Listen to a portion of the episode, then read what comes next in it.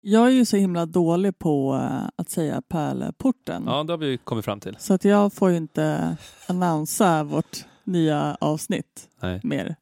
Eller ja, någon gång, men du, vi måste få, du får gå till talpedagogen först. Välkommen till Pärleporten. Vad är det för avsnitt? Är det 15. 15? Etta, femma. Men var det här ditt sätt att försöka göra en på? Eller, eller Ja. får- Men den kanske var s- dålig. Ja, men så här, om vi nu har skickat ut eh, den här tidningen och folk lyssnar för första gång och undrar, de tror att det här är någon slags behandlingspodd. Det sitter en, Det en terapeut och en. Nej, det en patient. Typ. Ja, okej. Han har öppnat pärleporten så att jag kan komma in.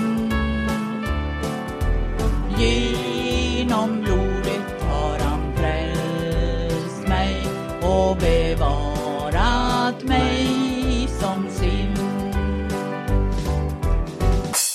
Välkommen till eh, Pärleporten avsnitt 15. Etta, femma.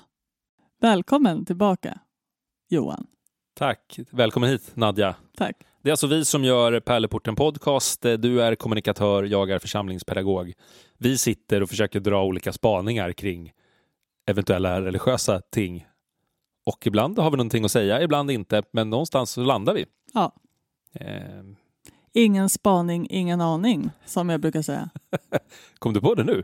Nej, Det var ju annars svinbra. visst är det? Ja. Det är kul. Vi befinner oss fortfarande i märkliga tider, men eh, vi har bestämt oss för att vi kommer inte prata så mycket om det, utan eh, vi kommer prata om annat. Mm. Och eh, det känns ju rimligt så här i uppståndelsetider att prata påsk, eller hur Nadja? Absolut. Eh, vi, vi har ju firat påsk, eller har du firat påsk? Eh, alltså, i år har vi inte firat påsk så mycket. Vi som i liksom familjen då, eller? Jag och, Vi- eller ja, det är ju mest jag Ja. och min man i mitt liv och mina djur. Massa grodor och ormar och fiskar. Precis. Och en hund. Och en hund, ja. Ja. Just det, får inte glömma Charlie. Nej, precis. Nej, men eh, eh, så eh, generellt så har mitt liv eh, varit väldigt o... Eh, mitt vuxna liv har varit väldigt ofirande rent generellt när det gäller alla former av högtider. Mm. Så vi, det blev ingen påsk i år heller, så kan jag säga kanske. Grinchen stole Passover, typ. ja, Passover. Heter, pa, vad heter Vad det? det för Va, något? vad heter påsk på engelska? Oj, jag har. Easter. Easter. Ja men Passover, det är ju inte det något liknande? Det låter jättekonstigt. Ja, men Passover, det, det är ju Pesach betyder ju passera Ja, och det ja, kommer ja. ju utifrån liksom Moses och liksom de ritade med blod på dörrarna Mm, i Egypten och så Mm. kom dödsänglarna och eh, skonade dem typ mm. och dräpte alla förstfödda. Mycket dräpningar i olika bibliska situationer. Så där har ni påskens berättelse. Ja. Ja, härligt. Alla dog. Eh, men så ingen påsk alltså? Nej, och sen ska man ju inte träffa folk heller. Nej men man kan ju fira utan att se sin stor grupp, eller? Ja, du tänker typ att man ska skypa och grejer. Ja, eller vara kreativ. Vi, eh, jag kanske bröt mot alla regler, men vi var faktiskt eh, några vänner som samlades utomhus och hade lite picknick. Var ni två meter ifrån varandra? Ja, i teorin. Men inte i praktiken. Jo, men vi satt på varsin filt, vi var tre familjer eh, och så satt varje familj på sin filt och så lekte barnen. Och barnen, de har ju ingen distans. Nej, de har inga gränser heller, så att de kör ju sin grej. Men, att, eh, ja, men det var fint. Så att vi käkade lite vegosill i gräset. Gott. Ja, men eh, det var trevligt. Har du tänkt på hur långt två meter är? Brukar du eh, tänka på det? Ja, min eh, relation till den längden är ju hon tanten som bor i Vasastan som det stod om i någon, någon blaska. Som för att liksom hon inte ska bli drabbad av olika sjukdomar så hade hon en tumstock Ja, på två meter som gick runt och petade på folk liksom för att hålla avståndet. Det är ju roligt. det är jättekul. Eh, och så var det någon reporter som följde henne Ja. en dag typ. Mm. Och där vissa då respekterade tyckte det var kul medan andra tyckte hon var lite galen. Mm. Men hon var ju så här, jag vill helst leva. Därför Ja, gör vi på det här sättet. Så att, rimligt ändå. Kanske det. Jag vill också ha två pinnar. För jag har ju tänkt lite på det här med två meter. Ja, men att, berätta. eh, nej, men när det, eh, de pratar om två meter så ja, tänkte man så här, ja, men det är lugnt. Det är ju inga konstigheter att stå två meter från varandra. Och sen skulle jag mäta jag och min man ska bygga garderobsdörrar. Så då skulle jag mäta väggen. Eh, och råkade hamna på två meters, liksom, det var en sån här lasermätare. Så då råkade jag hamna på två meter, det stod så 1,97 typ. Jag bara shit vad långt två meter är. Och så började jag tänka på att jag är ju 1,80 lång. Så det är liksom 20 centimeter mer än vad jag är. Det är jätte, det är väldigt långt två meter. Jag tror folk inte förstår det bara. Mm. Det, Men det, och det här gjorde någonting med dig? Det var någon slags aha-upplevelse? ja, det var det verkligen. Mm. Mm. Och hur har du liksom behandlat den här informationen i efterhand? Har du någon slags två meters distans nu eller? Eh, alltså jag har ju alltid tyckt om att, haft, eh, att, att ha distans till eh, folk. Mm. Men eh, det är ju nästan till omöjligt. För att folk eh, vet inte hur långt två meter är, känns det som. Just det. Var har du, om man bortser från hur du liksom har traditionsenligt firat påsk, hur tänker du påsken som högtid? Liksom? Va, det är ändå den viktigaste vi har inom kristendomen. Eh, jag ska vara helt ärlig här. Mm. Eh, jag tror inte att... Det var inte förrän jag började jobba i kyrkan som jag visste riktigt varför vi firade påsk. Vad, innan du jobbade i kyrkan, vad, vad tänkte du det var vi firade? Nej, men man visste ju typ att det, så här, det hade något med Jesus att göra. Eh, vissa år så kom man på så här, ja just det, men det är ju att han dog. Och vissa år så var det så här, ja, har det, är, vad är det? Är det bara en festmåltid vi håller på med? Förstår du? Mm. Men, men sen kom du fram till att det inte är döden vi firar. Eh, precis. Eh, och sen, sen när jag började jobba i kyrkan så har jag fått en, eh, mer, en bättre överblick eh, om vad som hände under påskhelgen. För det är ju faktiskt inte bara att Jesus dog utan det är ju flera grejer. Det. Typ uppståndelsen. Ja, hyfsat viktig. Ja. Det jag inte förstår bara, nu kommer ju en fråga här från ingenstans. Men Jesus uppstånden. Varför tar det så lång tid för honom att eh, åka till himlen? Innan Kristi himmelsfärd. Ja. Ja, men han har ju fortfarande saker att uträtta. Vad läser man om de här sakerna? Nej, men, eh, om du läser påskens berättelse så här, efter liksom, kvinnorna vid graven, eh, graven öppen och tom, de möter Jesus och säger han inte här, gå till lärjungarna typ. Och så finns det ju situationer där Jesus ändå är tillbaka hos dem. Mm. Och sen så får man ju den här missions eller dopbefallningen, hur man nu vill. Liksom det tydligaste i Jesu budskapet som innan han sen drar. Mm. Åt mig har getts all makt i himlen och på jorden. Gå därför ut och döp alla i Faderns och Sonens och den helige Andes namn och gör dem till lärjungar. Ja. Och jagar med er, håll alla bud, jada jada. Jag förstår. Jag förstår. Så att han har ju saker att göra och sen Kristi him, exakt hur den själva himmelsfärden går till, det vill man ju veta mer om. Ja. Men det är kanske inte de detaljerna vi är ute efter. Nej. Ja, men han, det var fortfarande business. Nu vet vi det här, man måste ordna med testamenten och allt det praktiska. Det gör man väl innan man dör? Ja, men Jesus var ju lite speciell. Testamenten. Ja. Ja. Det betyder ju förbund, visste Ja. du det? Ja. Så att Jesus han upprättar ju nya testamentet, Mm. alltså det nya förbundet med Gud genom Det hans andra död. förbundet. Ja men exakt. Så att eh, där fick man lite kuriosa, kan ju Mm. vara intressant. Mm.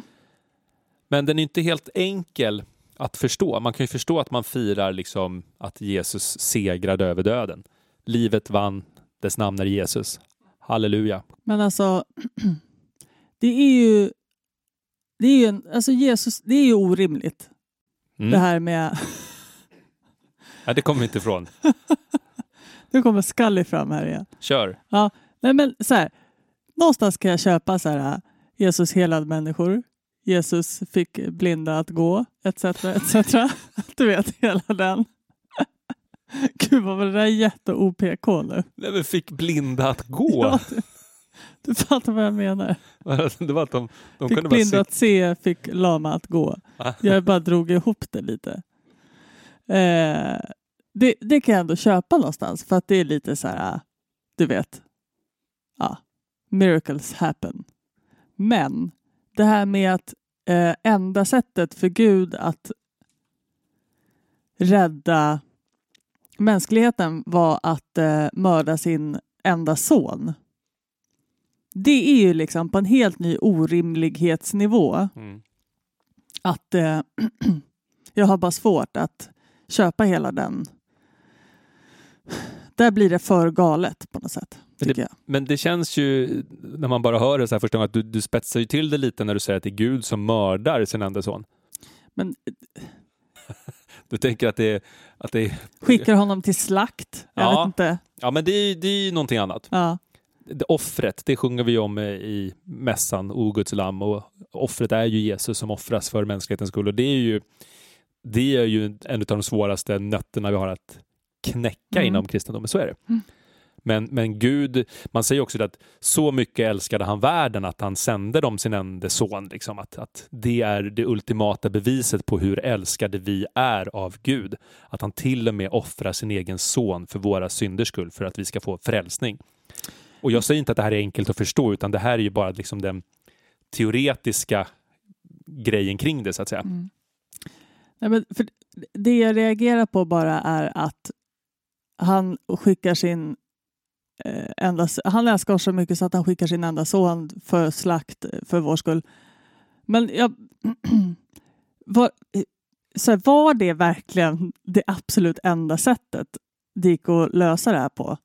Och hur kom de fram till det här enda sättet? Var det, alltså antingen så måste ju Gud ha varit så här Eh, ah, eh, det här blir en bra lösning, typ. Eh, och så har han liksom slafsat ihop något slags... Eh, eh, alltså lite som att det är eh, för spel för galleriet. Så här. Mhm. Om jag mördar min enda son, då, det här blir skitbra då. Liksom. Förstår du? Då vinner de min trust. Eh, eller så... ehm, Alltså, det, det jag undrar är bara så här, av alla lösningar på hela jorden, hur kom han fram till att det var den här som var rätt? Förstår du? Mm. Hur många hade han gått igenom innan? Eh, ja, eh, Han gjorde en sån här eh, en whiteboard liksom. Mörda min son, mörda inte min son och så skrev han upp olika fördelar och, och nackdelar. ja, men dels det, men också så här, han hade en whiteboard som var lika stor som jorden och bara försökte, han bara, så här, vad heter det? Eh, Brainstormade. Ja, brainstormade och skrev upp alla tusen miljoner möjliga scenarion till att rädda mänskligheten. Och då var mörda min son en, men sen var det också så här, äta tio kycklingar, eh, göra ett helt nytt djur och eh, simma tre mil var också med på den här listan. Förstår du vad jag menar? Jo, men då, återigen, hade då den här berättelsen fått samma sprängstoff om det var att eh, så mycket älskade Gud världen att han gav dem ett nytt djur eller tio kycklingar eller simmade tre mil. Det, det är inte riktigt samma liksom, omf i berättelsen. Jag hade ju varit med på det nya djuret däremot. Jag får frågan om kyrkan hade varit en kyrka som den är idag med två miljarder kristna där ute. Om det var så här, ja men Gud gav oss tre mil ryggsim. Det är imponerande förvisso, men inte Ja. enough. Är, det, är det imponerande? Att simma tre mil på ryggen, det, är, Det- det skulle jag nog säga. Jag orkar inte simma en bassänglängd ryggsim. Nej, men de som så tävlingssimmar, hur långt simmar de? Simmar de en mil? Ja, men det, nej, alltså de som tävlingssimmar gör ju framförallt kortare distanser snabbt. Det är väl det Sara Sjöström Ja, ja. och kompani gör. Ja. Sen finns det väl de som simmar så här typ Vansbrosimmet. Jag har ingen aning om hur långt det är, men ska man göra en svensk klassiker så är det väl att man ska åka Vasaloppet, man ska cykla Vättern runt och så ska man simma Vansbrosimmet. Mhm. Typ. Mm. Och jag har ingen aning om, jag, första vet jag inte var Vansbro ligger och för andra vet jag inte hur långt det är, men det är Gud långt. kanske har simmat det. Ja. Det vet vi inte. Så mycket älskade Gud världen att han simmade Vansbrosimmet på rygg. och så sitter vi här och gör en podd om det. Ja. Nej, men så, men, eh, så du tänker alltså att det inte bara var så här eh, jag måste hitta en lösning på människoräddarproblemet utan att det också var så här jag måste få människorna att lyssna på mig och då offrar jag min son. Så att det var ett medvetet val. Det var inte så här det här är det enda jag kan göra, ingenting annat funkar. Utan att det var så här, nej men jag väljer nog att offra min son för att eh, då kommer människorna kanske förstå hur mycket jag älskar dem. Kanske så, men också att eh, själva offertanken var kanske också mode under den tiden Jesus levde. Man pratar ju väldigt mycket offer i ja, både i gamla och nya testamentet, att det var ett sätt som symboliserar liksom att någonting måste offras för att något nytt ska få komma. Och så är det ju.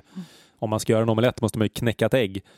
Men, men det som ändå konkretiserar hela den här berättelsen är att offret gjordes ju, men Gud visste ju också att det fanns en uppståndelse.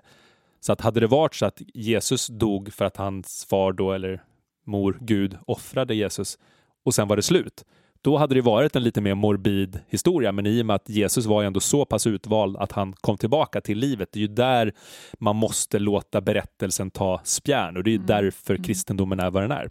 För att återuppståndelsen är ju det som var essensen.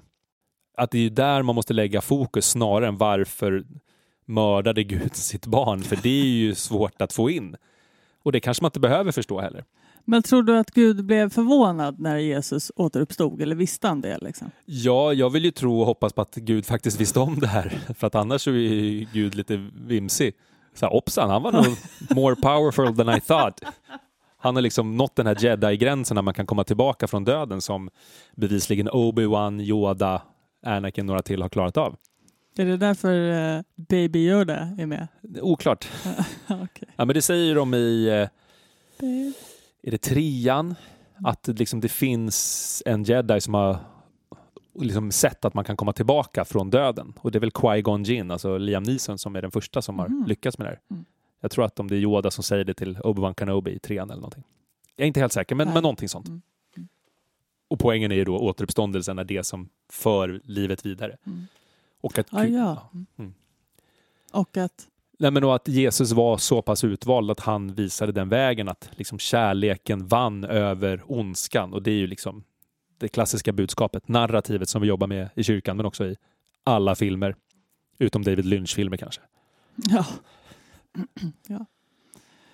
Eh, Men, men kan du liksom landa i det eller är det fortfarande så att det skaver så mycket att man måste, man måste förstå liksom offret? Nej, alltså grejen är så här, när du pratar om det så pratar du ju om det lite mer som att det är en eh, eh, som att vi har läst en bok som är eh, en eh, lite mer populärkulturell bok som är väldigt gammal och det var väldigt inne med offret och lite sådär. Det var bara en killgissning att det var inne med att offra. Jo, jo, jo, jo, absolut, det förstår jag också. Men eh, ändå att det liksom, att så här, ah, det kanske inte gick till så här. Det finns liksom en, eh, hos dig finns det en parentes där det är så här, eller så här uppfattar jag det, att parentesen säger att ah, det här kanske inte hände på riktigt. Förstår du vad jag menar? Ja, utveckla det här. att eh, he, hela den här Jesus upp, uppstod och Gud mördade sin son. Att eh, det är kanske inte hundra procent säkert att det här har hänt på riktigt. Som ganska många människor ändå tror som är kristna. Hur, eh, hur, hur känner du där? Ja, det är ju svårt för att ofta så kan åtminstone jag känna att man pratar om liksom mirakel, allt eh, går gå på vatten och hela den biten, att det kan vara ja, men metafor, där vi pratat om tusen gånger, att det är en bild för att förstå det här. Eh, och då blir det på ett sätt att det här som ändå kanske är den viktigaste berättelsen vi har, om den då också bara skulle vara en symbol för någonting annat, det, det sätter ju saker i ett annat ljus verkligen. Jag tror ju faktiskt att, att Jesus var den utvalde som dog och återuppstod. Men om det inte är sant, om det faktiskt inte har hänt så, så då känner jag att vi har ju ändå berättelsen och vad vi lär utav den, så det, det får väl vara fine. Jag vet inte om den tappar allt bara för att det skulle eventuellt vara lite hittepå. Mm. Mycket är väl hittepå ändå. Sen att vi gör någonting kreativt och kärleksfullt utav det, det är väl okej? Eller? Men tycker du att Star Wars tappar sitt för att det hittar på? Eller tänker du att Star Wars också är på riktigt? Fast det är, det är två olika saker. Tänker jag. Att, att man, det är som att varje datorspel man spelade så är det verkligt. Liksom. Så är det ju inte. Och man måste ju kunna skilja på en populärkulturell film och eh, sin andlighet och sin religion och sin tro, eller? Kanske, jag vet inte. jo, men det är klart. Ja, det var intressant eh, Ja. grepp ändå, men att eh, jag tänker om man inte kan förstå att Star Wars inte är på riktigt, då är man ju lite av en ett nutjob. Ja, absolut. Jo, men det är man ju. Och då är man också den som går runt i olika Star Wars-kläder på såna här mässor och tänker att jag är, ja precis. Och då, har man ju, då är man ju diagnoskompatibel Ja. Du, på ett Eh. härligt sätt. på ett härligt sätt. Vi kollar ju cosplay-SM varje år. Vad är det för något? Eh, cosplay är ju någon slags... Eh, man, det är väldigt seriösa personer som syr och skapar olika dräkter och eh, som sina favoritkaraktärer i filmer och tv-spel och sådär. Mm. Och varje år har de ett S, ett, ett svenskt mästers- mästerskap i det här. Och då, är det, då har de skapat då har de då skapat en dräkt och det är liksom så här, hår och, och eh, vad heter det? FX makeup, eller du vet, Ja. ifall man behöver en lösnäsa och sådär. Och väldigt seriöst, du vet, folk har typ, ja, jag eh, har smitt den här eh, nätbrynjan, typ. Alltså att de eh, jobbar på det här i flera månader. Eh, och sen, eh, det är liksom del ett och del två är att de gör ett litet performance, typ en scen ur tv-serien eller tv-spelet och så där, i, i den här karaktären då. Eh, och, och det här andra momentet, den här lilla scenen, den är ju väldigt eh, jobbig att se på. Men gör folk det här med glimten i ögat? Eller är det, Nej, folk är så seriösa. har du stått på den där scenen? Nej, absolut inte. Du är bara där och tittar? Jag är bara tittar Men på tv. Alltså. jaha, du är Ja, inte där nej, IRL? Nej, nej, jag är inte där IRL. Mm. Men det är fantastiskt. eh, Jag kan tipsa om det. Hoppas vi inte får arga, eh, vad heter det, lajvare på oss nu. Men Ja, men då har man ju ändå valt att kliva in i det där. Jag hade eh, två kompisar över igår, eh, också som har barn i samma storlek, så barnen lekte medan vi satt i köket och hade whiskyprovning sådär en söndag. Det var väldigt fint faktiskt. Ja, men då, då var det massa spännande samtal och då så pratade vi om olika typ 40-årskriser för vi alla i det, det åldersspannet så att säga. Och då var det en som var, ja men jag, jag är lite sugen på att åka longboard. Han har alltid varit det. Så hade han frågat sina kompisar, vad händer om jag skaffar mig en longboard? Kommer ni fortsätta umgås med mig? Och hälften hade tyckt att då är du liksom för krisig, men den andra hälften sa, men är det det du vill göra så kör. Mm. Och den andra pappan i det här sammanhanget, kompisen, sa då att ja, jag funderar på att skaffa en sån här liggcykel. En sån där cykel där man, där man ligger ner och trampar. Och då tänker jag att, och det sa jag också ganska ärligt och Ja. rakt sådär, men om, om du väljer att ändå skaffa en liggcykel, då har du ju valt att kliva in i segmentet där krisen är åt andra hållet, att du vill vara äldre än yngre. För en longboard, där vill man vara lite ungdomlig och sådär, Ja. men köper man en cykel där man ligger och trampar, då har man helt plötsligt valt att vara 60 år gammal, tänker jag. Mm, mm. Så det är ju kul när ålderskrisen blir åt andra hållet. Jag känner att jag är för ung för min ålder. Ja. Jag vet inte riktigt om man köpte det resonemanget, men det var väldigt roligt i varje fall. Jag Mm. hade kul åt det. Men det, jag blev ju 100 år eh, förra helgen när jag köpte min första rosbuske. Det händer ju. Men var det med matchande såna här trädgårdshandskar också? Nej, det, det var det faktiskt inte. Det jag, kanske jag kommer. har dem sedan tidigare. Då tänker jag bara på mamman i eh, American, eh, vad heter den? American Beauty. Ja, Som är sådär, allting är väldigt perfekt och så Mm. går hon runt och har matchande rosenbuskhandskar som, men med samma utstyrsel då som buskarna. mm, Och det är ju fint och lite tokigt. mm, väldigt tokigt. Men fint. Ja. Eh, Men så apropå påsken och live och ja, precis. Jesus uppståndelse. Kan någon eh, köra eh, Jesus på nästa cosplay-SM? Men alltså det här Jesus-livet finns ju varje år i alla länder fast olika tokigt. Mm. Det var ju något land eh, som nu hade förbjudits utifrån rådande virusomständigheter att man inte fick ses och korsfästa sig själv typ. Ja, För att det gör man för att liksom lida lika mycket som Jesus har lidit så spikar man upp sig själv. Vissa kör Aj. rep, andra mer hardcore liksom spikar Ja. upp sig för att sitta där och lida så länge som Jesus led. Mm. Men då har man sagt liksom att det är inte så bra att ses i större grupper men det är inte heller så bra att man spikar i kroppen. så det, är, det är någon form av Jesus-fakir nästan.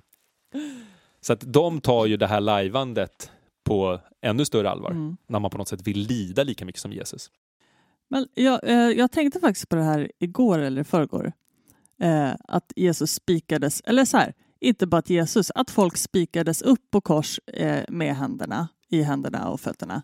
Alltså jag har, se, ser en orimlighet i att händerna kan bära upp hela kroppen. Det måste ha varit fler spikar eller också rep. Ja, Men jag tror att det också var rep. Det här var ju romarnas liksom mest populära, eller den värsta avrättningsmetoden de hade. Det här var ju Mm. vidrigt liksom. För att man, vissa kunde hänga där i flera dygn. Sen sägs det att Jesus fick ändå en barmhärtighetshandling, att han blev piskad och slagen innan för att han skulle dö snabbare. Så det säger man ju också att var något utav godo så att säga. Mm. För han hängde ju inte lika länge som gemene rövare hängde på korset. Men då är det ju så att eh, har man sett eh, The Passion of the Christ, har du sett den? Ja, ja, fy. Hemsk film. Ja. Den som belyser liksom det här våldsamma eh, Ja. fysiska perspektivet. Är Då är det ju spikar men också rep. För ska man bara hänga i spikar så, så trasas ju händerna sönder på något sätt. Och i Life of Brian, där använder de ju bara rep. Ja, Kommer du ihåg den? ja, jag kommer ihåg det, men inte just det. Där har de valt för att göra den mer barnvänlig, skippat spiken. Mm. Och bara kört repen. Mm. Den blev ju också förbjuden tror jag i Norge när den kom. Ja, För att de tyckte att det var alldeles för, man får inte skämta om religion typ. det är också kul, då tar man sig själv för för stort allvar. ja. Att, liksom, att det är någon slags kristen eh, riksdag eller regering. Mm. Om man inte får ha en Jesus-skojfilm. Mm. Har du sett den på länge? Eh, nej, det var, det var jätte, jättelänge sedan. Ja. Det var jättelänge sedan. Jag tror att man eh, kanske behöver se den för att minnas hur den var. Ja, Väldigt kul. Always look on the bright side. Mm. Men åter, om man går till Jesus och, och hela den här grejen. Mm. Jag, eh, jag tror att... eh, Jag, jag är inte så säker på att jag tror att... Hur, jag vet inte hur det gick till. Så kan jag bara säga.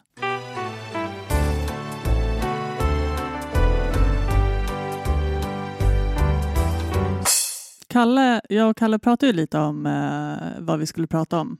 Och eh, då, då sa han så här eh, att eh, glöm inte att jämföra Jesu uppståndelse med killen på Everest eh, 1996 som eh, lämnade stöd i en hög med människor men sen kom gående dagen efter levande. och levde tydligen. Det här har jag helt missat. Har du? Berätta. Nej men, eh, Eller det kanske du gjorde precis. Ja, precis. Nej, men 1996 var ju en så jättestor eh, katastrof uppe på Everest. Eh, det var flera eh, såna här, liksom, bergsklättrargäng som dog för att ah, man vet inte riktigt vad som gick fel. Men det var, kan du något om bergsklättring på Everest? Jag har ju sett olika dokumentärer där folk envisas om att de ska upp på den där toppen trots att det alltid är folk som dör. Precis, det var ungefär det som hände då. Ja. Eh, och folk betalar ju väldigt mycket pengar för att komma upp på det här berget. Eh, och jag tror, det här är min, eh, nu killgissar jag lite av den här historien för det var länge sedan jag läste om det här. Jag tror att det här var ett år då det var liksom extra poppis att åka. Så att det var, det var väldigt många olika eh, bergsklättrarföretag, eller liksom, det var som olika små lag skulle man kunna säga, som skulle upp samtidigt. Mm. Eh, varav det var två stycken som konkurrerade lite med varandra. Eh, så de var kvar alldeles för länge uppe på toppen och gick inte tillbaka ner. Liksom. Och då var det väldigt många som dog för det kom en snöstorm och så där. Och då eh, pågick det ju sånt här räddningsarbete. Folk eh, klättrade upp och försökte hitta eh, levande människor. Och så var det fyra, fem personer som låg eh, liksom i en liten hög eller sådär. Mm. Du vet, som man gör när man håller på att dö för att det är kallt. Eh, och då var folk så här, they are all dead. Ah, vi kan inte, det, vi, de är förlorade. Och så gick de tillbaka. Och så dagen efter så var det en av de här eh, personerna som kom gåendes till lilla campet eh, som levde. Det var väldigt Jesus-esk sådär.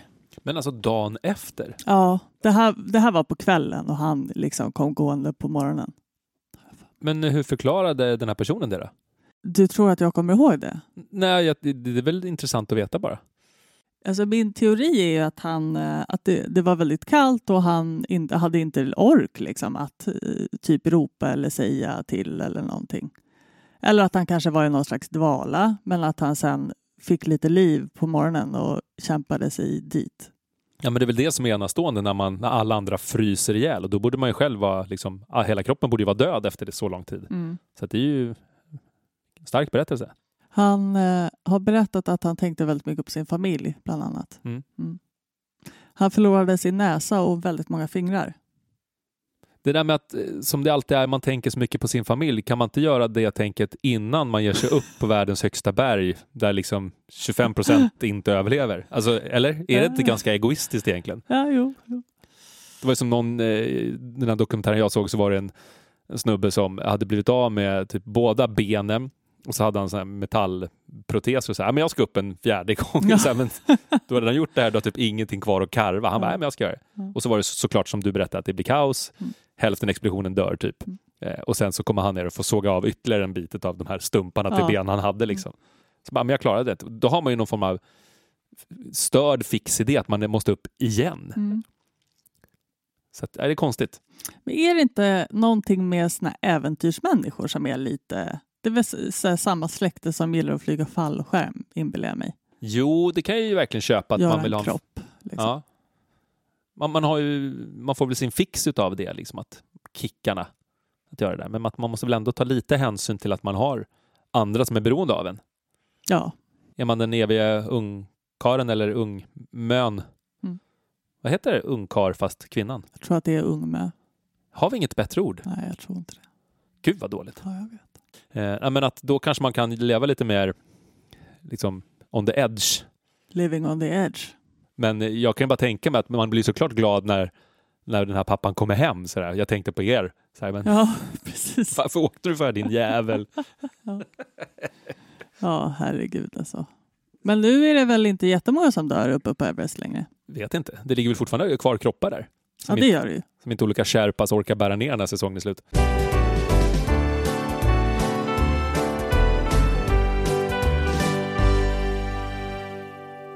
Jag måste bara snabbt få ge ett litet eh, vittnesmål Mm. från en situation som jag var med om för eh, kanske två veckor sedan.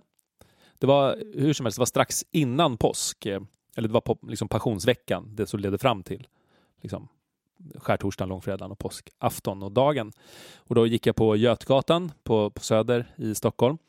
Eh, och när jag korsar, om det var men typ Åsögatan, så i korsningen så ser jag, det kommer en man mot mig som går med en eh, någon slags trähjulsanordning. Det är som en, en träpinne som går på hjul och så på den så sitter ett plakat. På plakatet står det Jesus is coming soon, are you ready?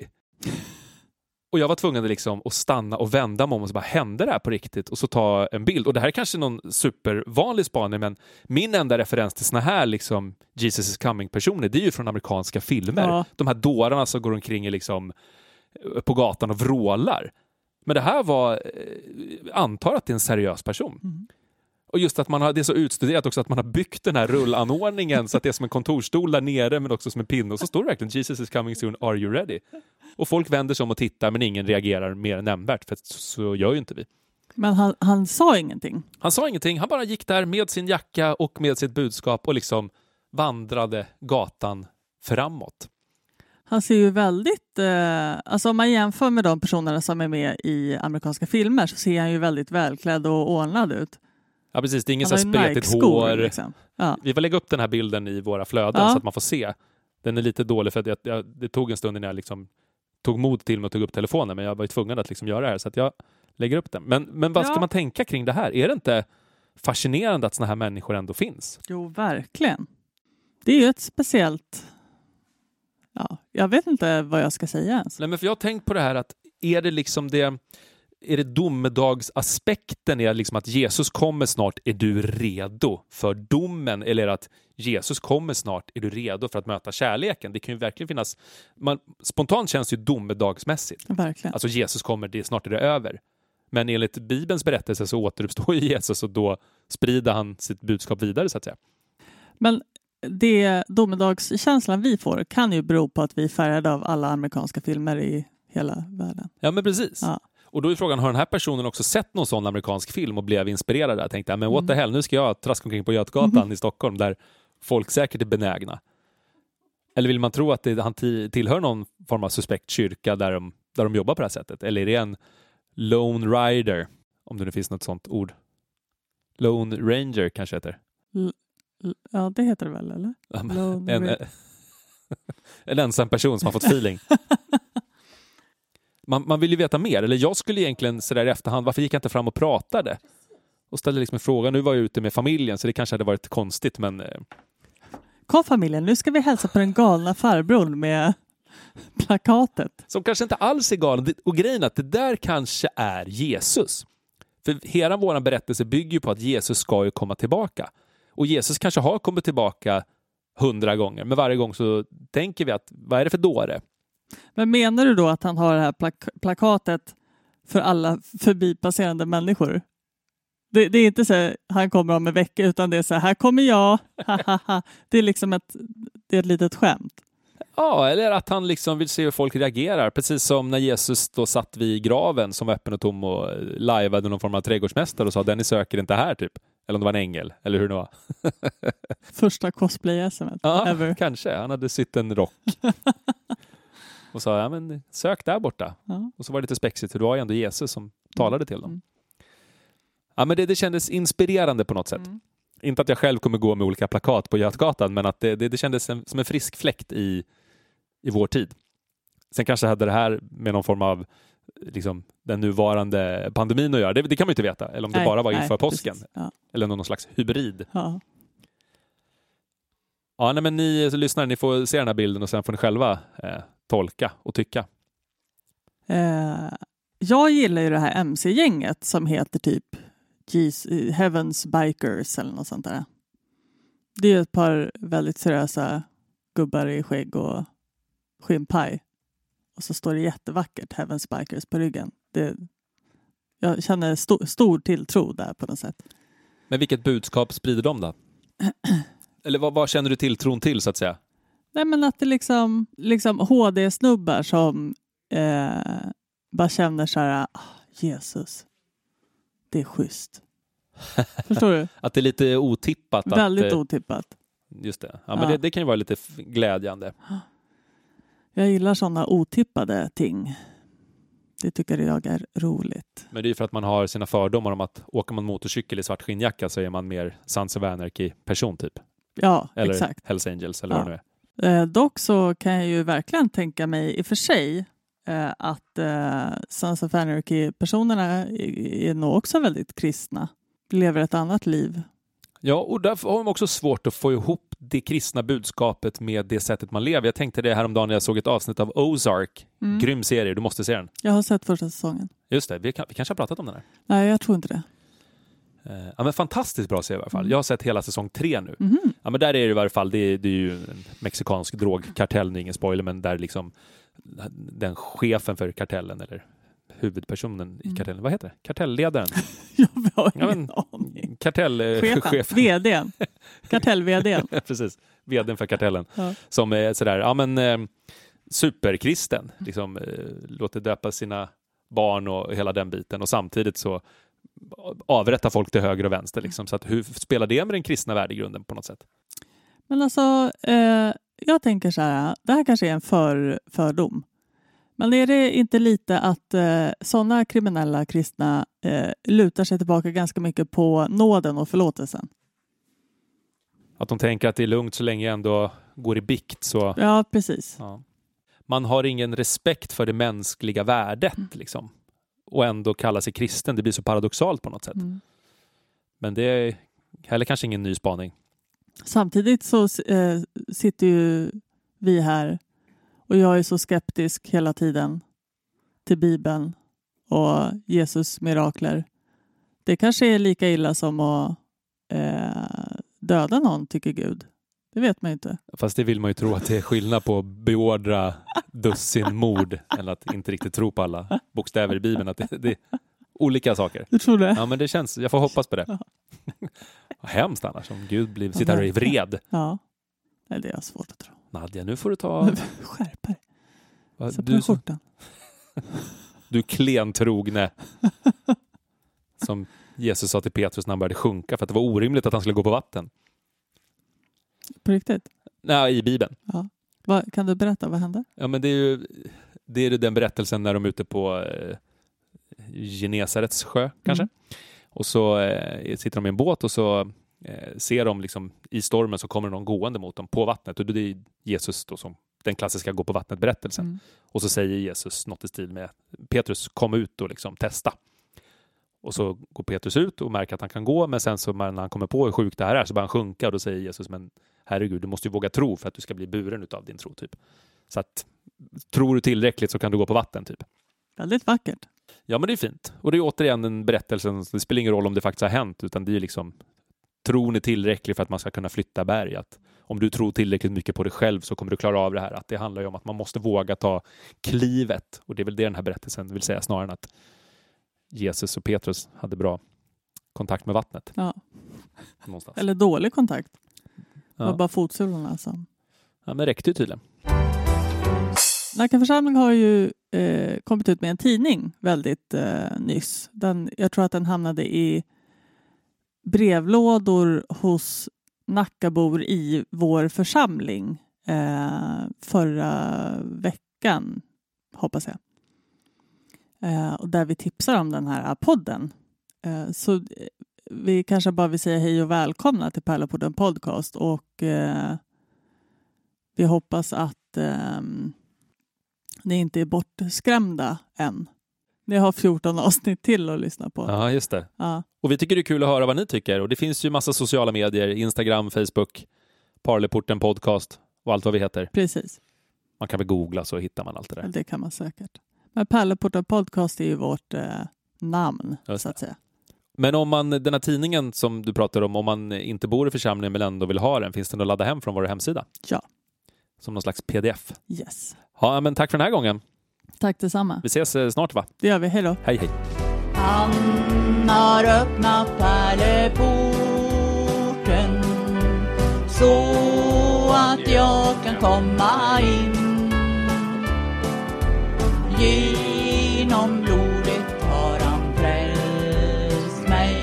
Oh, baby.